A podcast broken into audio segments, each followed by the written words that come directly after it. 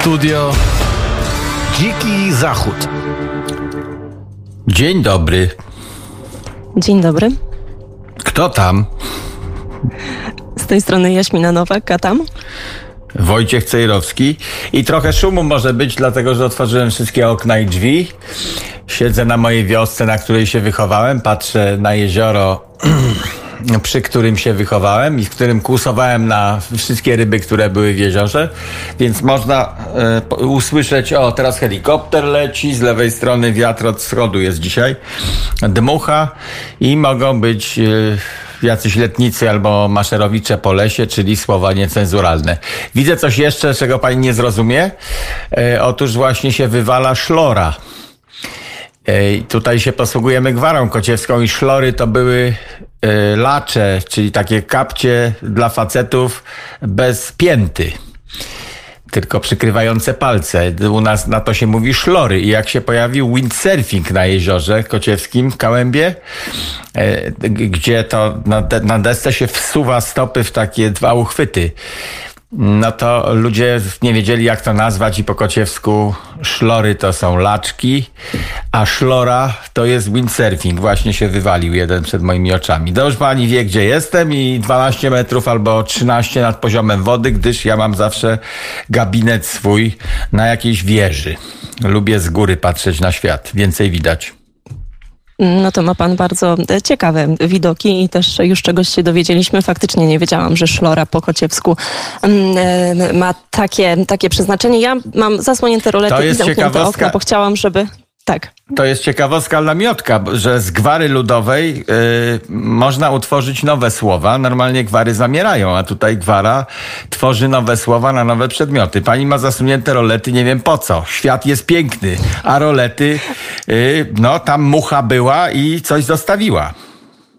Tak, to prawda, tylko ja mam tutaj obok taki sklepik wędkarski i cały czas przechodzą panowie, jak mam otwarte rolety, to oni zagadują, tutaj pukają do okna i obawiałam się, że po prostu trochę by to mogło przeszkadzać, więc ja się zabarykadowałam i żadnego ciekawego widoku nie mam, ale mamy dużo ciekawych to niech tematów, się pani, niech się nadzieję, pani potarga że... trochę, niech się pani potarga trochę i rozmarze, to wtedy nie będą zaglądali, bo pomyślą, baba w depresji, potargana, nie ma co gadać. A to nie, myślę, że to ci panowie, czy bym była potargana, czy nie, oni tak po prostu z sympatii chcą zagadać. To nie, nie miałoby żadnego znaczenia. Tak o życiu po prostu. Tutaj życie płynie wolniej, oni sobie jeżdżą, e, wędkują, są na wczasach i po prostu e, no, są sympatyczni. Dobra, to, to, jest też tak. To jest tak. pani pomysł na audycję osobną, beze mnie. No i co tam panie w polityce? Ja przeczytałem o Gdańsku coś, bo w, e, żniwa robię na Kociewiu przez trzy dni w tygodniu, poniedziałek, wtorek, środa. No w niedzielę nie robię żniw ani niczego innego natomiast czwartek, piątek i sobota stałem i stał jeszcze będę w tym tygodniu na jarmarku dominikańskim, więc o Gdańsku znalazłem, że znaleziono tam, napisali, głupio napisali, ekologiczne kosiarki. Po prostu wypuścili na tereny zielone zwierzęta, które skubią i to można wypuścić kozę albo owce i w Gdańsku się chwalą tym, to mnie to cieszy ogólnie. Więcej zwierząt w przyrodzie, mniej kosiarek, które yy, harczą, no nie chciałem powiedzieć pierdzą w audycji, ale one właśnie to robią. Zależy, czy są elektryczne, czy są spalinowe. Yy, koza sobie chodzi, to mi się bardzo podoba. Puścili na tereny zielone yy, i znaleźliśmy pani i ja we dwójkę, bo szukaliśmy tematu. Yy, czy to jest odkrycie gdańskie, trójmiejskie, czy ogólnoświatowe? Otóż w Ameryce wpadli na ten pomysł wcześniej wcześniej e, w stanie Maryland, czyli maryjnym stanie który jednocześnie niestety jest trochę lewacki. E, ponad 10 lat temu wprowadzili te kozy zamiast kosiarek w Nowym Jorku, blisko budynku Narodów Zjednoczonych, Organizacji Narodów Zjednoczonych. E, też wypuścili 20 kóz, więc nie jest to pomysł pochodzący z Gdańska. Wysłała mi też pani poradnik taki, żebym sobie poszukał na specjalnej stronie internetowej kogoś, kto mi swoje kozy wynajmie i można policzyć, czy taniej wychodzi wynająć firmę do koszenia trawnika przed domem, czy kozę e, do skubania trawnika przed domem. Nigdzie jednakowoż, ani w opisie Gdańska, ani Marylandu, ani Nowego Jorku nie znalazłem informacji, czy teren trzeba ogrodzić. Ta koza to pójdzie, koza jest w stanie pójść w każdą szkodę. Więc jak przy autostradzie będzie gryzła, wlezie na jezdnię i obgryzie lusterko. Y, na parking wejdzie, no po prostu potrzeba wykwalifikowanej osoby Tak, no to tutaj jest chyba jeden z takich minusów, bo pan znowu napisał, że nie wie pan, jakie, jakie mogą być minusy. Ja kilka takich minusów wyszukałam. No między innymi tych, tych kus, tudzież owiec po prostu trzeba przypilnować, więc e, trzeba mieć taką wykwalifikowaną osobę albo samemu się nauczyć no, zarządzać takim stadem kus. Ale e, to pas też tam jest 24 na dobę i je zagania potem w środku miasta? No pewnie w środku miasta to jest e, w jakiś sposób kontrolowane. Myślę, że już jak się wynajmuje takie stado kus, to jest... Przy, bo, mhm. przy budynku ONZ-u to w zasadzie one bez identyfikatorów mogą wejść do środka i nikt nie zauważy różnicy. E, natomiast w Gdańsku nie wiem gdzie one mają łazić. Y, w Gdańsku przeczytałem, że bacówka jakaś będzie, bo w Gdańsku owce i że jakiś tam baca ich będzie pilnował. Y, no to fajne, niech ich pilnuje. Y, tylko czy baca przy płacy minimalnej nie wychodzi per saldo razem z tym stadem drożej niż zwykła kosiarka? Bo oni szukają oszczędności wszędzie i wymyślili sobie, że taki będzie ekologiczny pomysł, że wypuszczą zwierzęta. No nie, nie, nie wiem, jak to ma być, jeżeli słuchacze nasi wiedzą, jak to w praktyce wygląda, szczególnie amerykańscy słuchacze, a mamy ich sporo. Przychodzą do mnie na jarmarku na stoisko z Ameryki ludzie z różnych stanów i mówią, że słuchają i ta audycja jest im potrzebna. Pomimo, że oni są na dzikim zachodzie i to jest studio Dziki Zachód, to oni słuchają informacji z Polski i ze świata właśnie tu, w Radiu Wnet e, i że to im jest potrzebne. Przetrwali pandemię dzięki tej audycji, twierdzą zarówno Polacy, jak i Amerykanie z tych gorszych rejonów. Tego wszystkiego nie wiedziałem i po to stoję też na jarmarku, żeby usłyszeć takie rzeczy. E, no bo to do mnie ucieszyło prywatnie, oczywiście, że komuś pomogłem, ale e, też mnie ucieszyło służbowo, że nie było gadane bez sensu. No więc niech słuchacze nam powiedzą, ci ja... amerykańscy, co z tymi kozami, czy to się luzem puszcza i ona chodzi po prostu sama i co jakiś czas przychodzi gość szukać ich i zaganiać? Jak to ma być? Jak to ma być w Gdańsku? W Gdańsku tego nie wiem, ale jeszcze tylko ostatnia rzecz, już może, żeby zamknąć temat, to po prostu chyba się opłaca, jak ma się dużo, e, dużo tej trawy do skoszenia i wtedy na przykład jest 20 albo 40 takich kus, no i jedną osobę wtedy warto zatrudnić i jej zapłacić. Jak to jest mały ogródek, to na pewno jest tak, że taniej wyjdzie odpalić tą kosiarkę spalinową i jednak w tradycyjny sposób sobie o, o ten ogródek zadbać. Tak na Nie wiem, bo mhm. ta strona amerykańska, co mi pani przysłała, to ona oferuje koło domu że taniej wychodzi koło domu puścić kozę. O, u mnie życie trwa dalej, telefon zadzwonił, to go zgaszę. E, więc wychodzi na to, że, że można kozę sobie wynająć tam za 400 dolarów miesięcznie i trzeba przeliczyć, ile koszenia y, kosztują i być może koza się bardziej opłaca. No ale martwiło mnie to, że koza na żadnym sznurku się nie utrzyma, bo przegryzie każdy sznurek i po prostu ucieknie do sąsiada i wtedy ja płacę za kozę, a ona strzyże sąsiadowi. To jest temat do rozwiązania. E, z tej okazji jeszcze coś Państwu powiem. Otóż e, e, owce mają dzwonki. To Państwo wiedzą, bo tam ludzie po, po Zakopanem chodzą i tak dalej. I owce mają dzwonki nie bez powodu, bo nie wszystkie mają dzwonki, tylko wybrane owce mają dzwonki. Owce to są zwierzęta, rolniczy kwadrans włączyliśmy. Pani się też trochę zna. Otóż owce są stadne i chodzą za przewodnikiem. Natomiast kozy są niesforne i w ogóle ignorują przewodnika, każda koza idzie sobie. I teraz nie bez powodu y, Pan Jezus y, opowiadał bardzo często o owcach. Przypowieści o pasterzu, o zagubionej owieczce, bo owce wymagają przewodnika i idą za przewodnikiem, tak jak Kościół za Jezusem. Natomiast gdyby opowiadał Jezus o kozach, a nie o owcach, to cała religia wyglądałaby inaczej, bo kozy trzeba zaganiać, a owce się prowadzi. Kozy trzeba zaganiać kijem, bo włażą w szkodę, a owce wystarczy poprowadzić, zadzwonić, pokazać im, zawołać i pójdą za tobą, jeżeli uznają cię za swojego przewodnika. I nie bez powodu diabły bardziej do kus podobne niż do owiec. Amen. Amen. To teraz zaproponuję, żebyśmy przeszli do kolejnego tematu, chociaż miał być rolniczy kwadrans, ale jeszcze to rolnictwo chyba gdzieś się będzie przeplatało. Natomiast o czym pisały media na świecie, w, Ameryce oczywiście, w Polsce też, eskalacja na Tajwanie. Wczoraj Chiny e, wysłały 66 samolotów wojskowych, 14 okrętów wojennych. No właśnie i cały świat się zastanawia, czy już mamy do czynienia być może z początkiem trzeciej wojny światowej, a jak pan te wszystkie informacje odebrał i co pan o tym myśli? No ja cały czas komentuję pesymistycznie trochę, że początkiem III wojny światowej e, będzie, bo to historycy muszą uznać po wszystkim, kiedy był początek, będzie najazd na Ukrainę, że to będzie początek zapisany w księgach III wojny światowej. E, pani postawiła taką tezę, że Chińczycy nie wystartują do wojny ze Stanami Zjednoczonymi, bo są już zbyt wygodni i nie chcą ryzykować utraty swojego statusu. E, moim zdaniem Chińczycy nie mają nic do gadania. To jest dyktatura, partia komunistyczna i co powie wódz Xi, to naród wykona. Wygoda tu nie ma nic do rzeczy. W społeczeństwach demokratycznych, e, przyzwyczajonych przez kilka pokoleń do luksusu, jest tak, że luksus o czymś decyduje. Czyli Europa nie ruszy swojego otłuszczonego tyłka, y, na przykład w obronie Polski, taka jest moja teza, to jest mniej prawdopodobne niż, że Chińczyk ruszy swoje chude ciało na rozkaz wodza. Więc Chiny w ogóle nie są przyzwyczajone do dobrobytu. Państwo chińskie jest bogate i agresywne.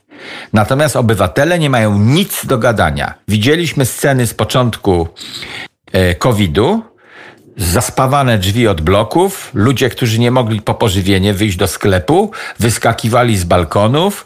Widzieliśmy sceny, e, kiedy policja chińska się nie patyczkowała z nikim, tylko przemocą brała do karetek. Od dziesięcioleci widzimy sceny, gdy kobieta, która zaszła w ciążę nierejestrowaną, ponadliczbową, bo chciała mieć drugie dziecko albo trzecie, e, że jest wywlekana do karetki i urządza jej się przymusową aborcję. Tam się nikt nie patyczkuje z tym, że pani się przyzwyczaiła do swojego luksusu. Luksus to jest No, ale z drugiej strony... Mhm. No. Luksus Ale to jest marchewka, strony, którą tak- kupują tak... obywatela i lojalność. I mogą w każdej chwili ten luksus zabrać. A z drugiej strony? No właśnie, a z drugiej strony, jak y, poczyta się teraz te najnowsze raporty, to y, te statystyki poparcia dla Xi Jinpinga bardzo, bardzo spadają. Tak naprawdę Chiny są w złym momencie. Te wyniki ekonomiczne pokazują, że są dosyć e, słabe i taki bunt narasta. Ta tania siła robocza przenosi się teraz do Indii, więc mówi się już, że Chińczyk nie chce pracować za tą przysłowiową miskę ryżu i to też pokazują dane. Jest coraz mniej tych wielkich fabryk, które pracowały faktycznie w Chinach za grosze, tych fabryk, które produkowały, nie wiem, Adidasy, torebki Chanel. Teraz to wszystko przenosi się albo do krajów afrykańskich, albo właśnie e, do Indii. E, więc tutaj są też takie dane i takie statystyki, które mówią o tym, że Chiny jednak no, poprzez ten wielki wzrost gospodarczy też pewną tą taką mentalność e, zmieniły. Ten po prostu status jest trochę wyższy i być może, ja tego nie wiem, tak, ale te statystyki pokazują, że Chiny też powoli potrafią się buntować. No, nawet pojawiły się takie komentarze, że ta wizyta Nancy Pelosi była w bardzo złym momencie, bo nie pozostawiła Chinom żadnego pola manewru, żeby nie odpowiedzieć właśnie dlatego, że ta pozycja Xi Jinpinga słabnie, że są przed wielką, wielką swoją e, imprezą partii e, komunistycznej i że gdyby to było w innym momencie, to jakoś by się jeszcze bardziej rozeszło po kościach, a oni po prostu musieli teraz tak odpowiedzieć. No ale to pani gada trochę tak jak Chińczycy, bo nie pozostawili Chińczykom żadnego pola manewru. To jest oczywiście narracja części republikanów w Ameryce i ja powinienem popierać tę narrację, natomiast y, ja mam własny rozum y, i jestem chyba dalej na prawo niż republikanie i partia nawet tej herbatki w Ameryce. Y, jestem za wolnością. Libertarianie są za wolnością bardzo szeroko pojętą i państwo powinno się zminimalizować i odsunąć bardzo daleko ode mnie i być na wezwanie. Ale też kiedy wzywam, to państwo powinno być tak daleko, żebym ja miał jeszcze czas odwołać to wezwanie, gdybym się zastanowił. Bo może wzywałem państwo po pijaku. E, straciłem rozum na chwilę, rozeznanie. Więc państwo powinno być bardzo daleko od obywatela. Socjalistyczne państwa są bardzo blisko. Wewnątrz łóżka są u obywateli, wewnątrz książki szkolnej, wszędzie państwo socjalistyczne jest. E, narracja była taka, że Nancy Pelosi, ponieważ jest wrogiem republikanów, zażartym, to jak pojechała, to niedobrze. Otóż kiedyś amerykańskie spory kończyły się na brzegu morza. Taka była umowa. Niepisana, taki był obyczaj w Ameryce, że kiedy dowolny polityk wyjeżdżał poza terytorium lądowe Stanów Zjednoczonych, to kończyło się krytykowanie tego polityka, bo robimy jakąś politykę zagraniczną i wobec zagranicy chcemy mówić jednym głosem. Niezależnie czy prezydentem był znienawidzony Clinton, czy ciamcia ramcia Carter, jak wyjeżdżał, to republikanie go popierali za granicą, a jak wrócił, to dopiero zbrali się za niego ponownie.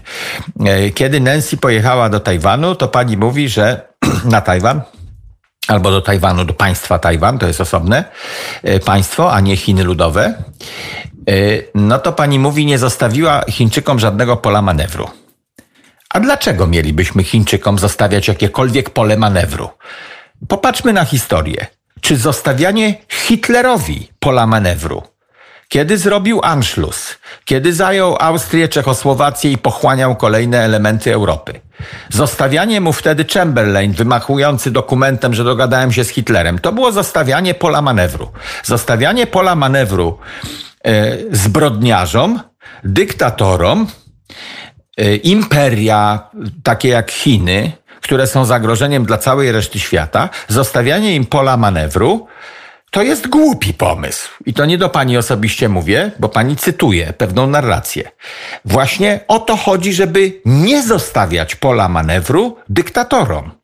Żeby im uciąć palce, kiedy wsadzają pierwszy paznokieć w nasze drzwi.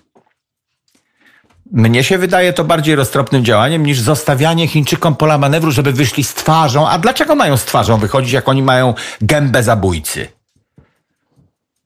Ja jest, mo, mogę się z tym zgodzić, bo to się wydaje sensowniejsze, no ale z drugiej strony jest, jest ta narracja, dalej będę ją cytować, bo, um, no bo też o to chodzi w dyskusji, że jeżeli tego nie pozostawimy, no nikt też nie chce wielkiej wojny pomiędzy Chinami a Ameryką. To, co teraz dzieje się na Ukrainie, też gdzieś każdy zdaje sobie z tego sprawę, że nie działoby się to bez cichego przyzwolenia Chin. I też tak naprawdę, oczywiście pomoc Ameryki płynie bardzo duża na Ukrainę, ale gdyby była większa, to też pewno ta wojna by się w inny sposób potoczyła. No i też nikt nie chce dojść do takiego momentu, gdzie faktycznie będziemy mieli na świecie. Ja też uważam, że to jest początek III wojny światowej, to co teraz stało się na Ukrainie i, i to faktycznie podnosi wielu mądrzejszych ode mnie ludzi, ale też no, gdzieś e, trzeba jakoś starać się znaleźć punkt styczny i dogadać, bo nikt, e, no, nikt nie chce wojny. E, to, że wszyscy nie chcą wojny, albo nikt nie chce wojny, to jeszcze nie znaczy, że trzeba się dogadać. Bo zatrzymywanie wojny można robić na dwa sposoby. E, Ronald Reagan i po nim Donald Trump e, powtarzali, że aby nie było wojny, to trzeba się uzbroić po zęby i przestraszyć przeciwnika oraz stawiać mu jak najostrzejsze warunki, tak żeby nie miał pola manewru. Natomiast zwolennicy miękkiej polityki, detente i tak dalej, ci wszyscy dogadywacze się typu Obama, oni uważali, że jak oswoimy Iran, jak w Chinach wprowadzimy buty i zajmą się szyciem butów w niewolniczych zakładach za jednego dolara na miesiąc, to powolutku ich roztopimy jak kostkę lodu i staną się tacy jak my. Więc to są dwie filozofie. Oswajać yy, bestie, czy postawić bestii twarde nie i obcinać jej paznokcie za każdym razem, jak wystawi szpon w naszą stronę? To są dwie kompletnie odrębne filozofie. Nie sposób się dogadać pomiędzy jednymi a drugimi. Ja e, po owocach poznając, działania Ronalda Reagana, który obalił mur berliński, rozmontował Związek Sowiecki. Gorbaczow nie miał wyjścia przy Reganie, bo była ostra polityka w kontrze do Związku Sowieckiego. Była polityka ostrych zbrojeń, gwiezdne wojny, rozpędzenie produkcji zbrojeniowej i te, rozwoju technologii takie, że Ruscy przegrali, bo nie wytrzymywali tempa. Czyli Reagan poszedł na konfrontację. Powiedział twardo nie, ruskim i w ten sposób ich zatrzymał. A Clinton, Obama i ci inni goście wciągają na głęboką wodę, chodźcie do nas, zobaczcie jakie u nas uniwersytety, chińskie dzieci niech do nas przyjadą, sekretarzy partyjnych, zróbmy biznes jakiś i ucywilizujcie się. No, owoce polityki Clintona są takie, że wciągnięto Chiny do Światowej Organizacji Handlu i zabrali nam cały handel i całą produkcję. Y, a nie ucywilizowali się od tego, bo to jest dalej dyktatura. Owoce polityki e, Obamy w Iranie są takie, że oni już ogłosili e, kilka tygodni temu, że możemy zrobić bombę atomową, jeżeli nam się tylko zechce. Na razie nam się nie chce, zapłaćcie nam, żeby nam się dalej nie chciało. Za Trumpa nie było takiej gadki. Trump był agresywny w zatrzymywaniu wroga. Obama, Clinton, Unia Europejska byli mięcy tacy, że może się dogadamy. No to ja wybieram jednak, jak mam do czynienia z bydlakiem, który chce mnie zarżnąć, to ja wolę wystawić nóż niż próbę negocjacji. Ale to jest mój prywatny No tylko to też, tylko teraz, mhm, jasne, jasne, tylko teraz też chyba się to dzieje, no bo przecież mm, Amerykanie cały czas e, e, gdzieś dozbrajają się na, na Morzu Południowochińskim. To jest tak, że na ten moment są dużo silniejsi e, niż Chiny, gdyby doszło do takiego starcia, więc można to robić na różnych szczeblach, to chyba tak się nazywa tej, tej drabiny eskalacyjnej, ale tak, żeby jeszcze dać sobie jakąś furtkę, czyli nie przystępować od razu gdzieś do jakiejś odpowiedzi zbrojnej, tylko właśnie no, przygotowywać się, to, to, to, to oczywiście, zbroić, ewentualnie, nie wiem, teraz mi się wydaje, że może być tak, że e, te rakiety jeszcze będą przelatywały, być może do, dojdzie do jakiejś próby zajęcia jakiejś jednej z wysepek, ale żeby to od razu nie był e, ostry, otwarty, wielki konflikt światowy. Y, No ja nie jestem nieomylny, nie? Mam tylko swoją opinię. Staram się dużo czytać, do każdej audycji przygotować, ale nie jestem nieomylny, więc słuchaczy uczulam, że może ja przegapiłem jakiś element. Natomiast moja odpowiedź na to, y, co pani przed chwilą powiedziała, jest taka, żeby wrogowi nie zostawiać żadnej furtki. Jak się diabłu zostawi jakąkolwiek furtkę, to on ją wykorzysta. Przeciwko nam a nie po to, żeby uciec, uspokoić się, zostawić nas y, w, w, spokoju na wiele lat. Moim zdaniem zostawianie takiemu wrogowi jakichkolwiek furtek to jest błąd. Trzeba go osaczyć i zgnieść, zmiażdżyć, iść świadomie nawet w kierunku wojny, tak samo jak robią Chińczycy. Oni mówią, jak y, to i tamto, no to my wtedy zaczniemy do was strzelać. No to wrogowi trzeba odpowiedzieć tak samo, że jesteśmy gotowi zginąć za nasze państwo, za nasz y, system, y, cywilizację chrześcijańską, że jesteśmy gotowi w warunkach ostatecznych pójść na wojnę z wami, ryzykując, że zginiemy. Jak wróg tego nie wie, no wróg cały czas będzie broił. Tak mi się y, wydaje. No, ale to idąc tym tokiem myślenia, to, to, być może też powinniśmy teraz wspierać jeszcze bardziej Ukrainę, a może nawet y, włączyć się do walki Polska i państwa bałtyckie, bo cały czas przecież pojawiają się te głosy, że jeżeli teraz świat zachodni w całości nie odpowie agresywnie na, po, na politykę, na agresję e, rosyjską, no to będziemy mogli się spodziewać niestety, że niebawem Rosjanie będą i na granicach państw bałtyckich i być może nawet e, takie głosy się pojawiają, że te Iskandery polecą na Berlin. Nie, no to w to nie wierzę, że polecą na Berlin, bo tam jest za dużo układów jeszcze z czasów zaborów Katarzyny Wielkiej. Nie.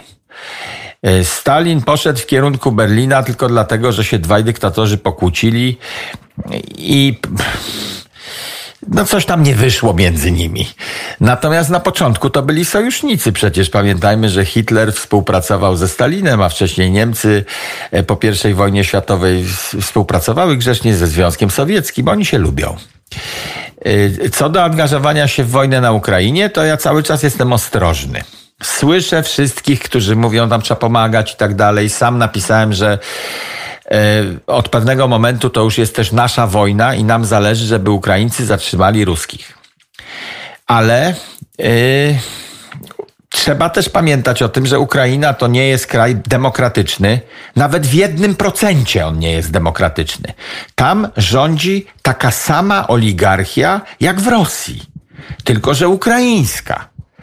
Tam rządzą takie same grupy, a w niektórych przypadkach ropa, gaz, węgiel i tak dalej, te same grupy, co w Rosji.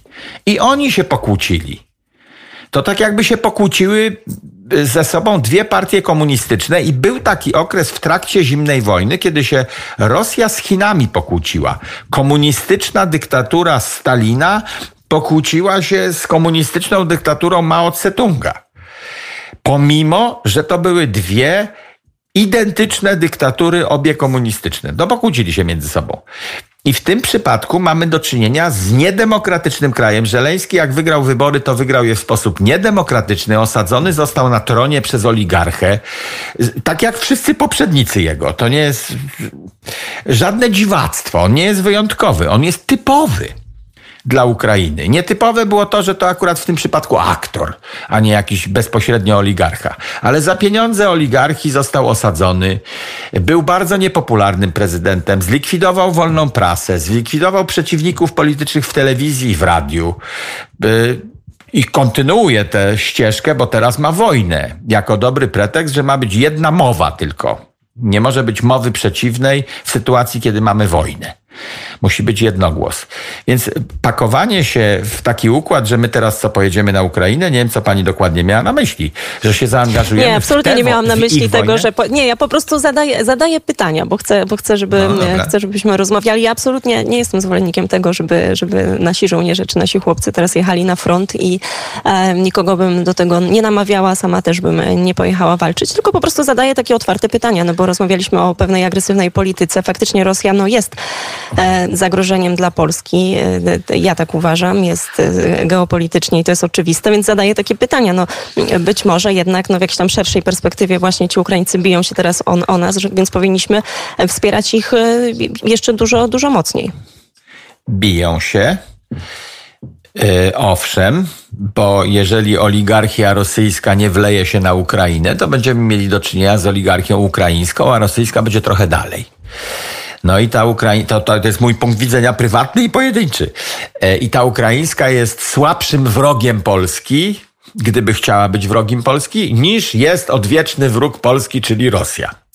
No więc nam się opłaca w tej sytuacji e, wspierać ten bufor między Polską a Rosją, żeby był jakiś bufor o nazwie Ukraina. To nam się, to, to nam się w tej chwili opłaca, krótkoterminowo. Natomiast wstecznie patrząc na działania polskich władz, zarówno Platformy, jak i PiSu, kompletnie nam się nie opłacało wspieranie pomarańczowych rewolucji i innych takich rzeczy. To były potyczki oligarchów. Jedni byli pomarańczowi, drudzy byli nie wiem jacy, już nie pamiętam ich kolorów. No i myśmy się opowiedzieli po jednej ze stron.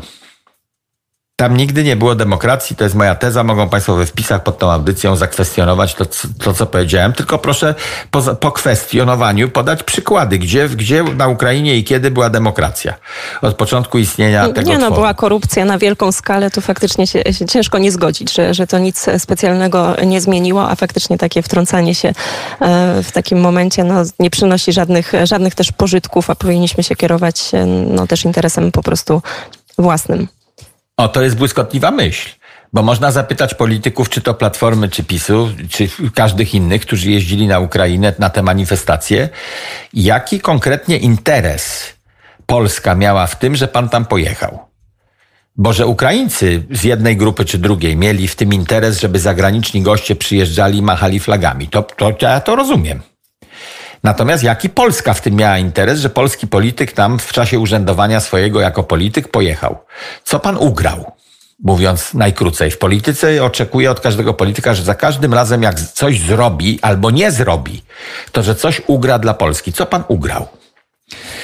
No, to, to, to nie, ja nie, nie- do pani nie zapytam, pytanie, co do pan- nich. Tak, ja nie zapytam, co pan ugrał, ale może co pan zagra, bo spoglądam na zegarek 18.29. Aha. E, Mamy jakieś utwory przygotowane przez pana na dzisiejszą audycję, to może Tak, jest dobry, dobry cieszę. moment. Bardzo się cieszę, zrobię sobie przyjemność. Mój ulubiony głos w muzyce country to pierwszy artysta, którego świadomie słuchałem.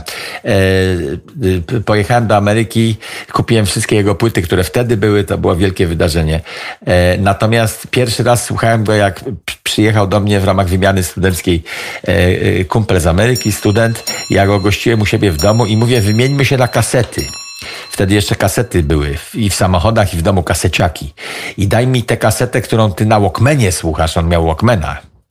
E, A ja ci dam swoją i posłuchasz muzyki, której ja słucham. Poznamy się lepiej, bo mamy krótki czas, żeby się zapoznać i potem zrobić projekt naukowy. No i on mi dał e, płytę, o której powiedział, na, nagraną na kaseciaka, że od, odwali mi dekiel. I ten głos rzeczywiście wtedy odwalił mi dekiel. Studio Dziki Zachód. Jedna poprawka do tego promo, które szło przed chwilą, za które bardzo dziękuję Radiu Wnet. Stoisko, numer mi zmienili z 30 na 630. Nie wiem czemu szóstkę akurat dopisali. Przy bramie straganiarskiej w Gdańsku, gdyby ktoś chciał zobaczyć, bardzo wielu słuchaczy Radia Wnet przychodzi i mówi, że im to radio jest potrzebne, co mnie cieszy. Y, a teraz od wschodu, bo mam okno od wschodu, wieje wiatr i niesie dym. I to nie jest przenośnia, tylko po prostu za lasem, a wiem o tym, bo byłem za tym lasem. Mieszka doktor Oko i pewnie robi kolejną wołowinę na ogniu albo rybę. To jest prawdziwy doktor Oko, jest okulista. My tutaj mamy takie kryptonimy doktor Oko, doktor Ucho, doktor Pięta, doktor Szczęka. Doktor Zęby to są dwaj różni doktor. Jeden szczęki leczy, czyli kości, a drugi leczy zęby. Żeby nie po nazwisku. I co tam pani w polityce znalazła? Ma być Polska teraz? To no właśnie, może być Polska, ale może być też e, Ameryka. Temat e, Proszę. energetyczny. Wysłał pan, zaproponował pan e, wiatraki w Teksasie, a raczej ich brak, tudzież po prostu wyłączanie, wyłączanie swoich turbin wiatrowych w Teksasie. My już wiemy, no, chociażby na przykładzie Niemiec, że te odnawialne źródła energii są niestabilne i nie, wy, nie wystarczają. A co takiego zadziało się w Teksasie? Po pierwsze zakwestionował słowo odnawialne. Jak Państwo policzą y, ten plastik, te wszystkie kobalty i inne rzeczy, które oni pakują w, y, w, maszyny produkujące odnawialne źródła energii, no to one są nieodnawialne. O wiatrakach mówiliśmy, to jeszcze chyba y, zanim Krzysztof Skowroński wyjechał na urlop, że one są zakopywane w ziemi, te, które się zużyły po 20 latach kręcenia. Nie wiadomo jak to zutylizować, to jest ogromne. To ma kilkadziesiąt metrów wysokości, wielkie skrzydła ma. Jak jedzie po autostradzie, to muszą być dwa samochody towarzyszące, bo to jest strasznie długie. I trzeba wybierać takie autostrady, na których są bardzo łagodne zakręty, bo się nie wyrobi. E, no i po tym, jak się zużyje taki wiatrak, to strasznie trudno go zlikwidować, rozmontować, bo jest wysoki. Zbudować jest łatwiej niż rozmontować. E, bo buduje się od dołu, czyli wspinamy się po konstrukcji. Natomiast, żeby go zdemontować, to trzeba zacząć od góry. I tu na przykład helikopterów się używa, żeby to rozmontować. W Polsce ten problem się pojawi w ciągu najbliższych pięciu lat. Ale to nie tylko z wiatrakami, kiedy... bo tak samo jest z farmami foto, fotowoltaicznymi. Przecież też tam mhm. był jakiś ogromny problem e, z kwestią utylizacji i też e, rolnicy, którzy podpisywali jakieś felerne umowy, bo oczywiście cieszyli się za to, że za te nieużytki, za tą ziemię e, czwartej czy piątej klasy ktoś chciał im zapłacić pieniądze, ale w tych pierwszych umowach, teraz to już jest jakoś lepiej uregulowane, ale na pewno część z rolników podpisała takie umowy i okazuje się, że musieli, będą musieli po prostu płacić jakieś horrendalne pieniądze za utylizację. Kiedy już te 20 lat minie, to wydaje się tak daleka perspektywa, no ale jak już teraz minęło 5 lat czy 7, to nagle się okazuje, że to problem realny. No w umowach jest wpisane, że każdy wiatrak stawia jakaś firma i potem coś napłaci za prąd produkowany bądź za dzierżawę, natomiast demontaż wiatraka to proszę, żeby rolnik zrobił. Bo oni już wiedzieli, inżynier, który, konstruktor, który wymyślał jak poskręcać wiatrak z mniejszych elementów, czyli cały gotowy nie przyjeżdża na posesję, no to on też wiedział, jaki to będzie kłopot, żeby to rozmontować. I zapisali sobie w umowach, że za, za rozmontowanie utylizację to pan odpowiada, pan rolnik. No i rolnik podpisał. Od tego jest rząd. Do takich rzeczy jest rząd potrzebny. Rząd powinien być bardzo daleko od wszystkich moich transakcji.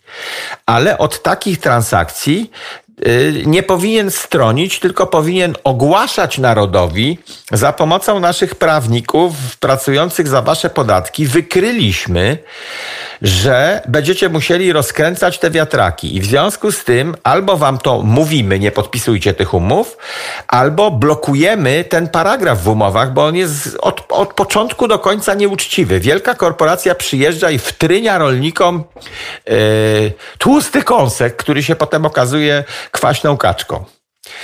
Yy, wracając do Teksasu. E, Teksas jest tak zbudowany, że ma Y, taką rączkę od patelni wystającą do góry. Jak Państwo na mapę popatrzą, kilka stanów ma takie wystające elementy. Oklahoma chyba też ma taki wystający, to po sąsiedzku na północ z Teksasem. E, e, Floryda ma e, taki kawałek, do Florydę pamiętamy, to jest półwysep, który się wcina w Zatokę Meksykańską i ochrania ją od Atlantyku, natomiast ma też taką wypustkę w lewo w kierunku Luizjany. w lewo, czyli na zachód.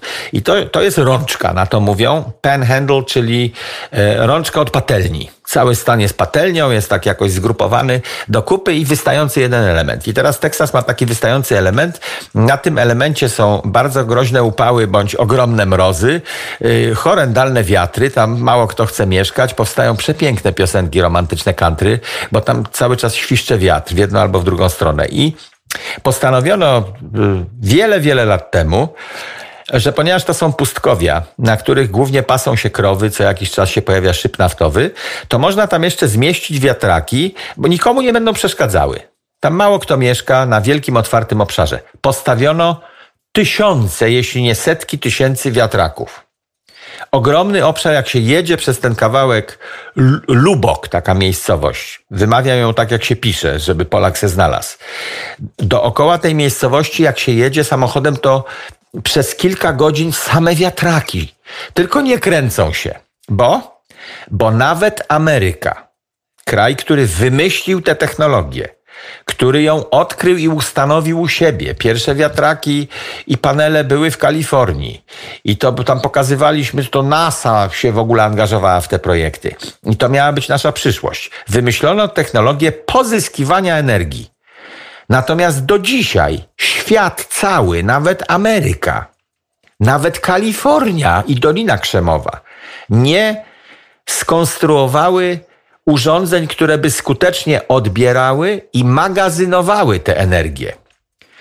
Elektrownia, która chodzi, to ona produkuje stale mniej więcej taki sam prąd. W związku z tym różne rzeczy można przewidzieć. Elektrownia na węgiel czy atomowa. Natomiast wiatrak raz kręci, raz nie kręci. E, słońce raz świeci, raz nie świeci. Więc to są producenci prądu, którzy produkują nierówno.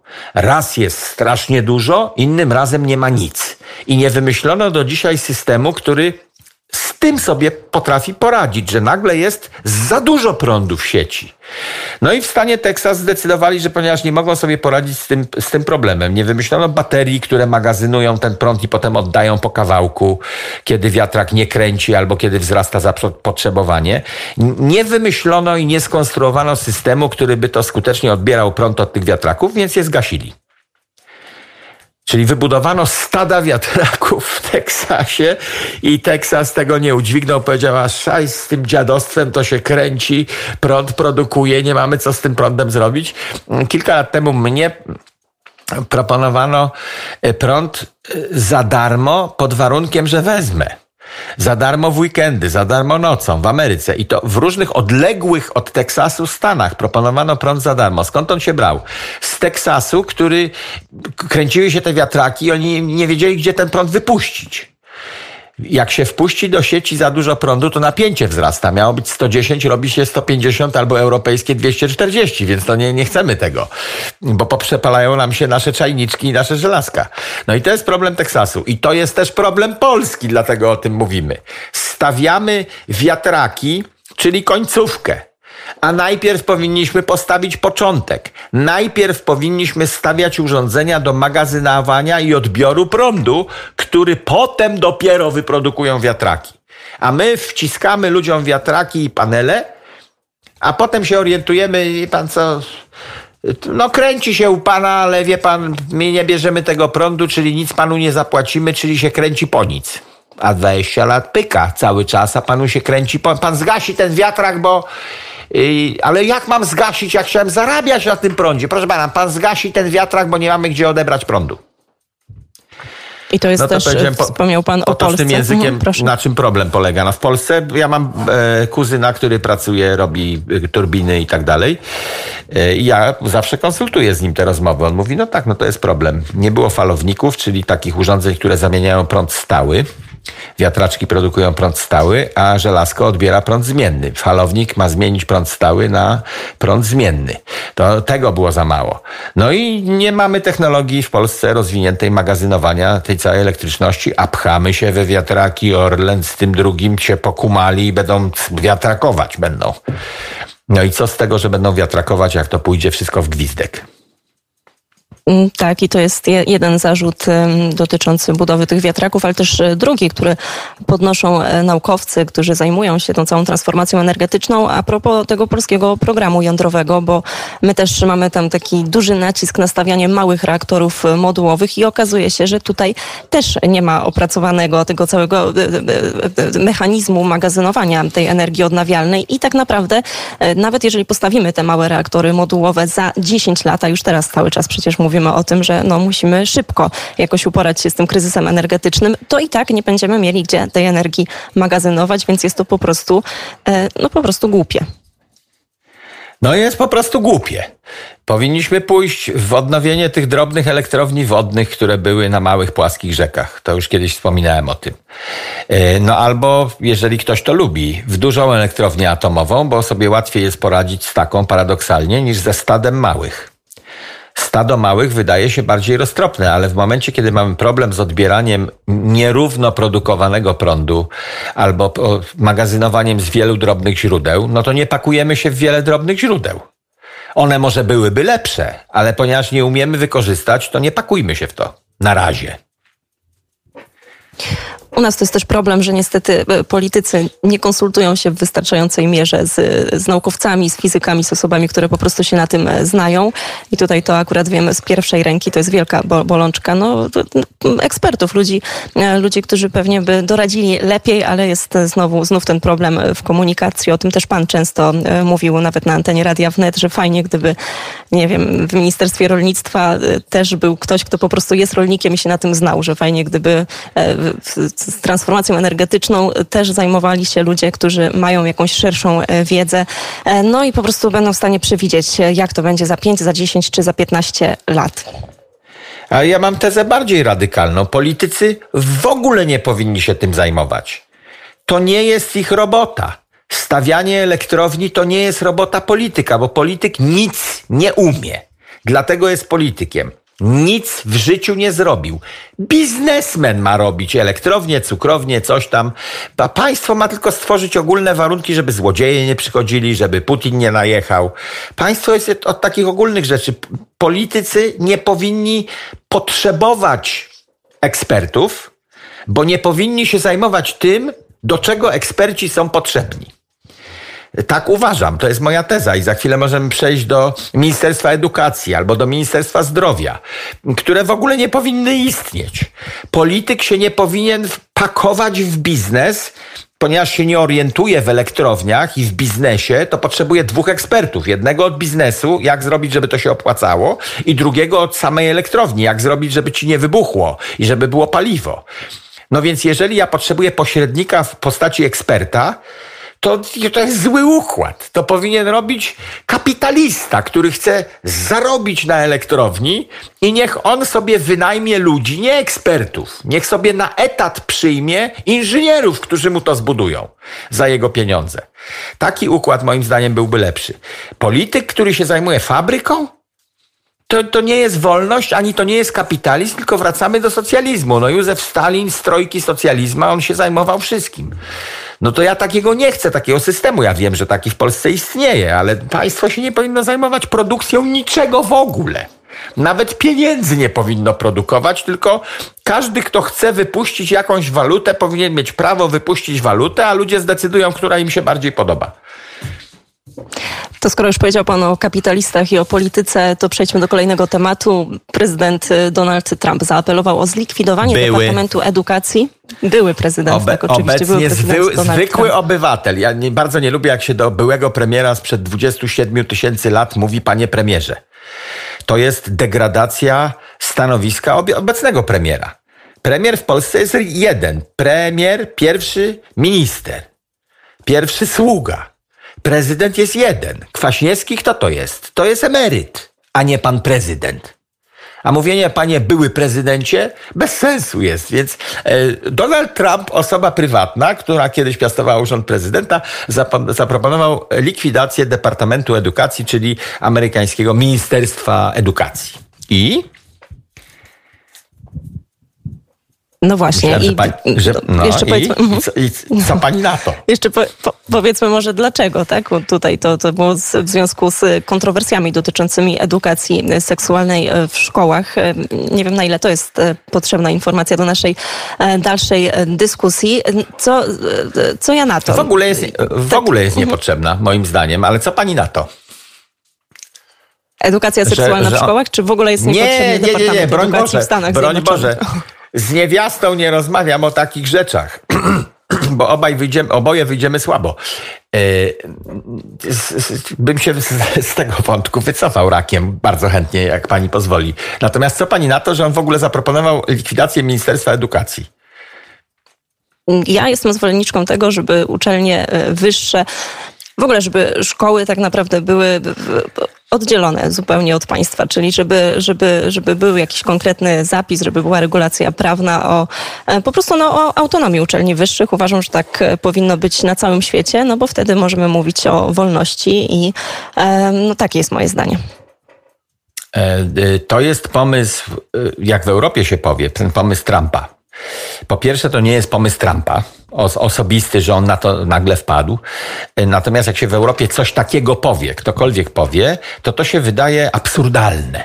Bo jesteśmy przyzwyczajeni do tego, że we wszystkich socjalistycznych państwach Europy, innych nie ma, e, jest Ministerstwo Edukacji, znaczy, że państwo musi zarządzać edukacją, musi być obowiązek szkolny, w zasadzie przymus szkolny musi być e, i trzeba posyłać dzieci do szkół i tak dalej. I to muszą być szkoły, które mają jakoś sformatowany program, bo przecież musimy wszyscy poznać pana Tadeusza, bo jak nie poznamy, to się naród rozpadnie na kawałki. E, To jest teza oczywista. No to ja wtedy zawsze proponuję, dobrze człowieku, sięgnij do przeszłości Rzeczypospolitej. Kiedy istniały szkoły, które zakładały indywidualne osoby, bądź zak- zakony, zakon PR-ów prowadził szkoły, jezuici prowadzili, nie było jednolitego programu, tylko w dużej mierze nauczyciel decydował o tym, czego uczy. W drugiej Rzeczypospolitej po odzyskaniu niepodległości po zaborach też tak było, że nauczyciel miał ogromną suwerenność tego, jakie lektury dobiera swoim uczniom. I nauczyciel z Poznania mógł dobierać trochę inny zestaw lektur od nauczyciela w Gdańsku. A rodzice z kolei decydowali, do której szkoły poślą. W tej chwili mamy komunistyczną rejonizację, że pani musi posyłać do tej albo do innej, bo istnieje ministerstwo. Ministerstwo musi się czymś zajmować. Donald Trump kiedy zaproponował zlikwidowanie tego Departamentu Edukacji, to w Ameryce nie był szok. Jak czytałem komentarz na Onecie, to oni podkreślili taki fakt, że on to zrobił na zjeździe konserwatystów w Dallas, gdzie się spotykają zwolennicy teorii spiskowych i radykały. Otóż nieprawda. Ministerstwo Edukacji w Ameryce nie istniało przez większość czasu istnienia Stanów Zjednoczonych. Natomiast bez Ministerstwa Edukacji w Ameryce istniały najlepsze, topowe szkoły na kuli ziemskiej. Amerykańskie uniwersytety zaczęły się psuć w momencie, kiedy wprowadzono Departament Edukacji. Kiedy za, urzędnicy zaczęli pisać programy szkolne i wymuszać, że pewne rzeczy muszą być ujednolicone dla całych Stanów Zjednoczonych i murzyn ma się uczyć tego samego co biały. Nieprawda. Może w prywatnej szkole katolickiej murzyn z Luizjany powinien mieć trochę inny zestaw lektur niż biały facet z Bostonu. Czy białe dziecko z Bostonu. Niech się czegoś nauczy innego. Po co mają się wszyscy uczyć dokładnie tego samego? W jakim to ma być celu robione? Dopiero Jimmy Carter w roku, pani pamięta, 70 którym wy- wymyślił Ministerstwo Edukacji. Mm, Zaraz to 79? sprawdzę, bo gdzieś miałam. No, tam gdzieś, gdzieś mieliśmy zapisane. Ale w, w latach 1970 Jimmy Carter wpadł na pomysł, że stworzy kompletnie nowe, w Ameryce niebywałe, niezrozumiałe dla ludzi Ministerstwo Edukacji. Wcześniej szkoły były prywatne, konkurowały między sobą, albo były stanowe, mogły być publiczne. Kościół katolicki miał bardzo wiele szkół. Ludzie sobie wybierali szkołę. Nie było przymusu posyłania do szkoły. Do tej pory w wielu stanach nie ma. Chyba w żadnym nie ma takiego przymusu, żeby się nie dało wykluczyć z tego. Ludzie uczyli dzieci w domach. W tym miejscu, gdzie wiatraczki stoją w Teksasie, to tam jest tak daleko do szkoły, że bardziej efektywne uczenie to jest uczenie w domu. W ramach tej wolności tego bezchołowia wolności, e, mieli najlepszy system edukacji i dobrze wykształcony naród. A jak Jimmy Carter, bardzo kiepski prezydent, wymyślił, że zrobi tak jak w Europie, Ministerstwo Edukacji, to się zaczęły kłopoty. W 1979 roku, to tylko już e, sprawdziłam, Carter ustanowił Departament Edukacji, czyli końcówka lat 70. U nas chyba warto um, powiedzieć już prawie na zakończenie, bo mamy 18.54, o 68 roku i o tym, do czego e, tak naprawdę, do jakich skrajnych sytuacji może prowadzić takie wtrącanie się. No w tym momencie ciężko mówić o państwie, ale o e, przykładzie też Uniwersytetu Warszawskiego strajków marcowych. No i ciekawą rzecz pan wyszukał w, w kontekście milicji, która chciała wejść na teren uniwersytetu? Ja nawet nie wyszukałem, przypomniałem sobie po prostu, że e, istniało coś takiego w Polsce jak autonomia wyższych uczelni. Rektor był księciem na swoim terenie i pamiętali o tym, do tego stopnia to była utrwalona tradycja w Rzeczypospolitej, że nawet za komuny, za twardej dyktatury komunistycznej w latach 60 Milicja obywatelska nie wchodziła na teren Uniwersytetu Warszawskiego, prosiła rektora, żeby im zezwolił na wejście. A rektor mógł powiedzieć tak albo nie i milicja obywatelska grzecznie stała przed furtą. E, w momencie, kiedy pojawia się minister edukacji narodowej, to ta autonomia będzie się rozpuszczała jak kostka lodu. No bo minister, urzędnik państwowy będzie zarządzał. W tej chwili Ministerstwo rozdaje dotacje, jak uczelnia się zgodzi wziąć dotacje, to degraduje samą siebie, tak jak kul się zdegradował. Za komuny Katolicki Uniwersytet Lubelski miał 2000 studentów i ta była potęga. E, kiedy ja kończyłem studia na Kulu, to już było 20 tysięcy studentów, brali dotacje rządowe, oglądali się na to, jakie muszą E, spełnić warunki ministerstwa, żeby utrzymać status uczelni, która dostaje dotacje państwowe. E, I to nie jest ta sama uczelnia, na której wykładał Jan Paweł II. Karol Wojtyła, przepraszam. To jeszcze, y, nie wiem, czy jeszcze jeden temat, y, czy, bo kwestia y, centralnego portu komunikacyjnego, o tym teraz mówią wszystkie media w Polsce, wychodzą jedni politycy z jednej strony, z drugiej, no właśnie, kilkaset osób nawet być może będzie musiało przenieść się z, do innego miejsca zamieszkania. Ogromne protesty, a co pan o tym myśli?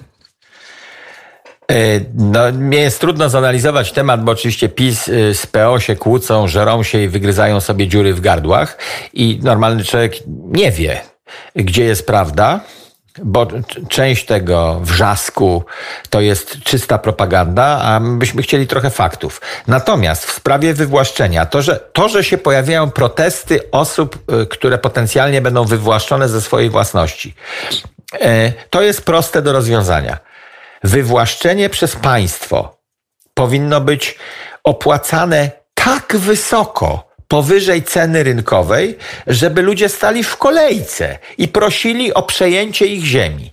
To jest proste do zrobienia, skoro to jest projekt strategiczny dla władzy czy dla państwa polskiego. Chcemy zbudować drogę, chcemy zbudować port, chcemy zbudować lotnisko. To jest ważny powód. Do tego stopnia ważny, że naruszamy święte prawo własności no to niech cena, którą rząd proponuje za te 48 działek, które musi wykupić, niech przebija 7 razy cenę rynkową. Wtedy ludzie nie będą protestować, tylko będą błagać. Ja mam jeszcze tu, to jeszcze ode mnie weźcie, jeszcze ode mnie weźcie. Nie będzie w ogóle problemu. A w całej ogromnej inwestycji takie przepłacenie utonie. I nie będzie żadnych protestów, tylko wszyscy będą zadowoleni.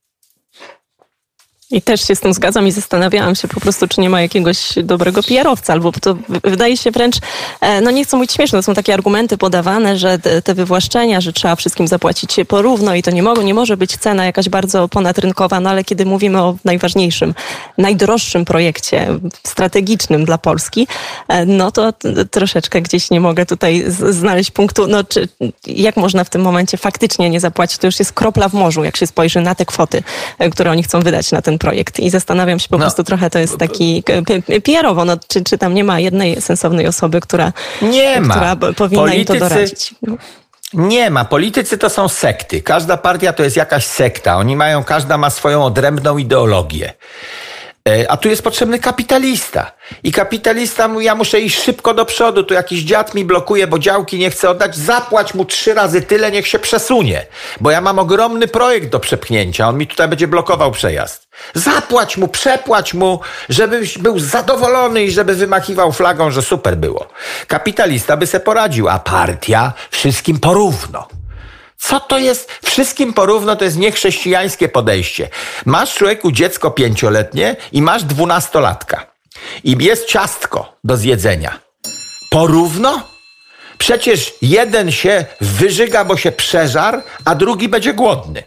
Porówno to nie jest roztropny pomysł. Pański I zegarek właśnie wy, wybiła nasza już- godzina. Tak. Okrętowy zegar wybił, że jest za minutę, trzeba się kończyć. Bardzo serdecznie e, dziękuję za rozmowę. Wojciech Cejrowski, gospodarz Studia Dziki Zachód. Y, i Jaśmina Nowak, gospodyni studia Dziki Zachód. Bye. Dziękuję.